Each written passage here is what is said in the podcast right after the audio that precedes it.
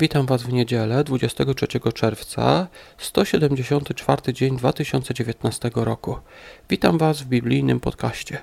Ja przeczytałem już pięć fragmentów Biblii na dzisiaj, a ta audycja to jest nagranie myśli, które zaciekawiły mnie podczas tego czytania. Ciekawe myśli, które znalazłem podczas czytania tych pięciu fragmentów. Osobiście polecam Wam tą metodę. Po przeczytaniu każdego rozdziału postarajcie się poszukać chociaż jedną ciekawą myśl. Gdy będziecie czytać jakiś rozdział, postarajcie się znaleźć chociaż jedną ciekawą myśl. Dzięki temu człowiek uważniej czyta, bo jeżeli się czyta dla samego przeczytania, to to można tak po prostu przelecieć, a jak się czyta i szuka czegoś ciekawego, no to się czyta uważniej. A jakie ciekawe myśli ja dzisiaj znalazłem? Prawo mojżeszowe ograniczało kary, które mogli zastosować rodzice. Szulamitka była oddana swemu pasterzowi. Dawid ostrzegał przed gwałtownikami oraz oszczercami. Warto mieć sprawdzonych przyjaciół. E, to ciekawe myśli. Przejdźmy teraz do omówienia tych pięciu fragmentów Biblii. Powtórzonego prawa, rozdział 21. E, ten rozdział mówi o winie krwi w razie niewykrytego zabójcy, o traktowaniu branki, czyli kobiety zdobytej na wojnie, a później także prawa żon w małżeństwach poligamicznych a na koniec kara na nieposłusznego syna.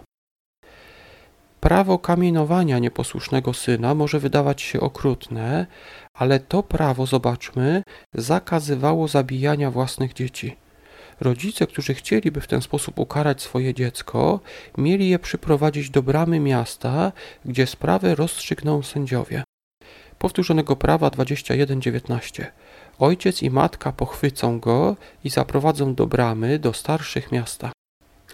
W starożytności w wielu kulturach, przykład w kulturze rzymskiej, rodzice, a szczególnie ojciec, mieli prawo zrobić cokolwiek chcieli ze swoimi dziećmi, także zabić je. Tak więc to prawo było ochroną dla dzieci.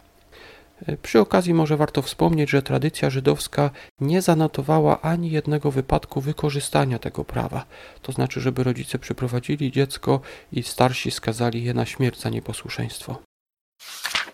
Pieśń nad pieśniami, rozdział 6. Szulamitka ponownie wraca do momentu, gdy niechcący wpadła na orszak Salomona. Pieśń nad pieśniami 6.12. Niespodziewanie znalazłam się wśród wozów książęcego orszaku. W Księdze Pierwszej Królów, 11 rozdział, werset 3 czytamy, że Salomon pod koniec życia miał 700 żon i 300 nałożnic. Tutaj w pieśni nad pieśniami, 6 rozdział, werset 8 czytamy 60 jest królowych i nałożnic 80, a dziewcząt bez liczby. W momencie więc, kiedy pisał księgę pieśni nad pieśniami, dopiero zaczął kompletować swój harem.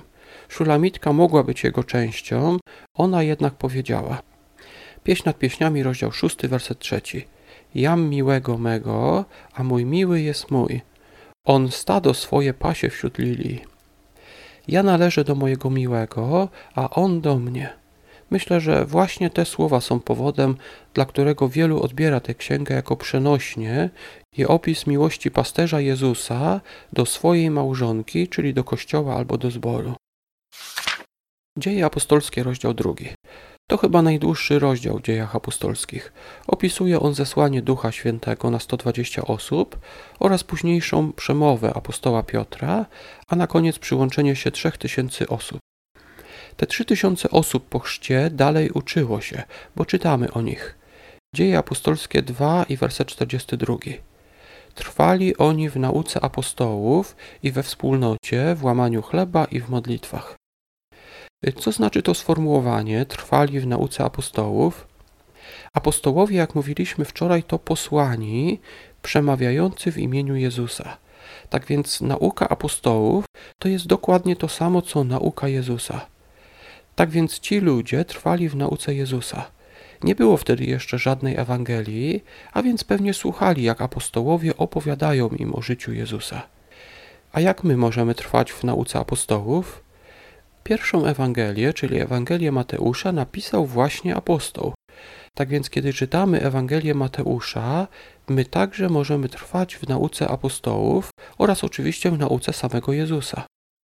Oczywiście trwać nie oznacza tylko czytania, od tego się zaczyna, ale także stosowania się do tych nauk. Psalm 140. Dawid prosi o ochronę przed ludźmi posługującymi się przemocą oraz przed oszczercami. Psalm 140, werset 13, w niektórych przekładach 12. Wiem, że Pan oddaje sprawiedliwość ubogiemu, biednemu słuszność. Dawid jest pewny, że sprawiedliwość zatriumfuje i to mimo przemocy oraz kłamliwych słów. Czy warto polegać na innych ludziach? Niestety nie zawsze jest to mądre. Dlatego właśnie potrzebni są przyjaciele, na których będzie można polegać zawsze. Zobaczmy do przysłów 18 rozdział werset 24. Na bliźnich polegać to siebie zgubić. Czasami przyjaciel przylgnie nad brata. Bliski przyjaciel może okazać się lepszy od rodzonego brata, ale aby mieć przyjaciół, trzeba też być przyjacielem. Jak myślicie, która z tych myśli, którą poruszyłem, jest najważniejsza? Mi wydaje się, że ta o pierwszych chrześcijanach, którzy trwali w nauce apostołów. My też możemy to robić. Na przykład Ewangelię Mateusza napisał właśnie apostoł Mateusz. Czytając ją i stosując tą wiedzę, my także będziemy trwali w nauce apostołów. Na dzisiaj to wszystko. Do jutra.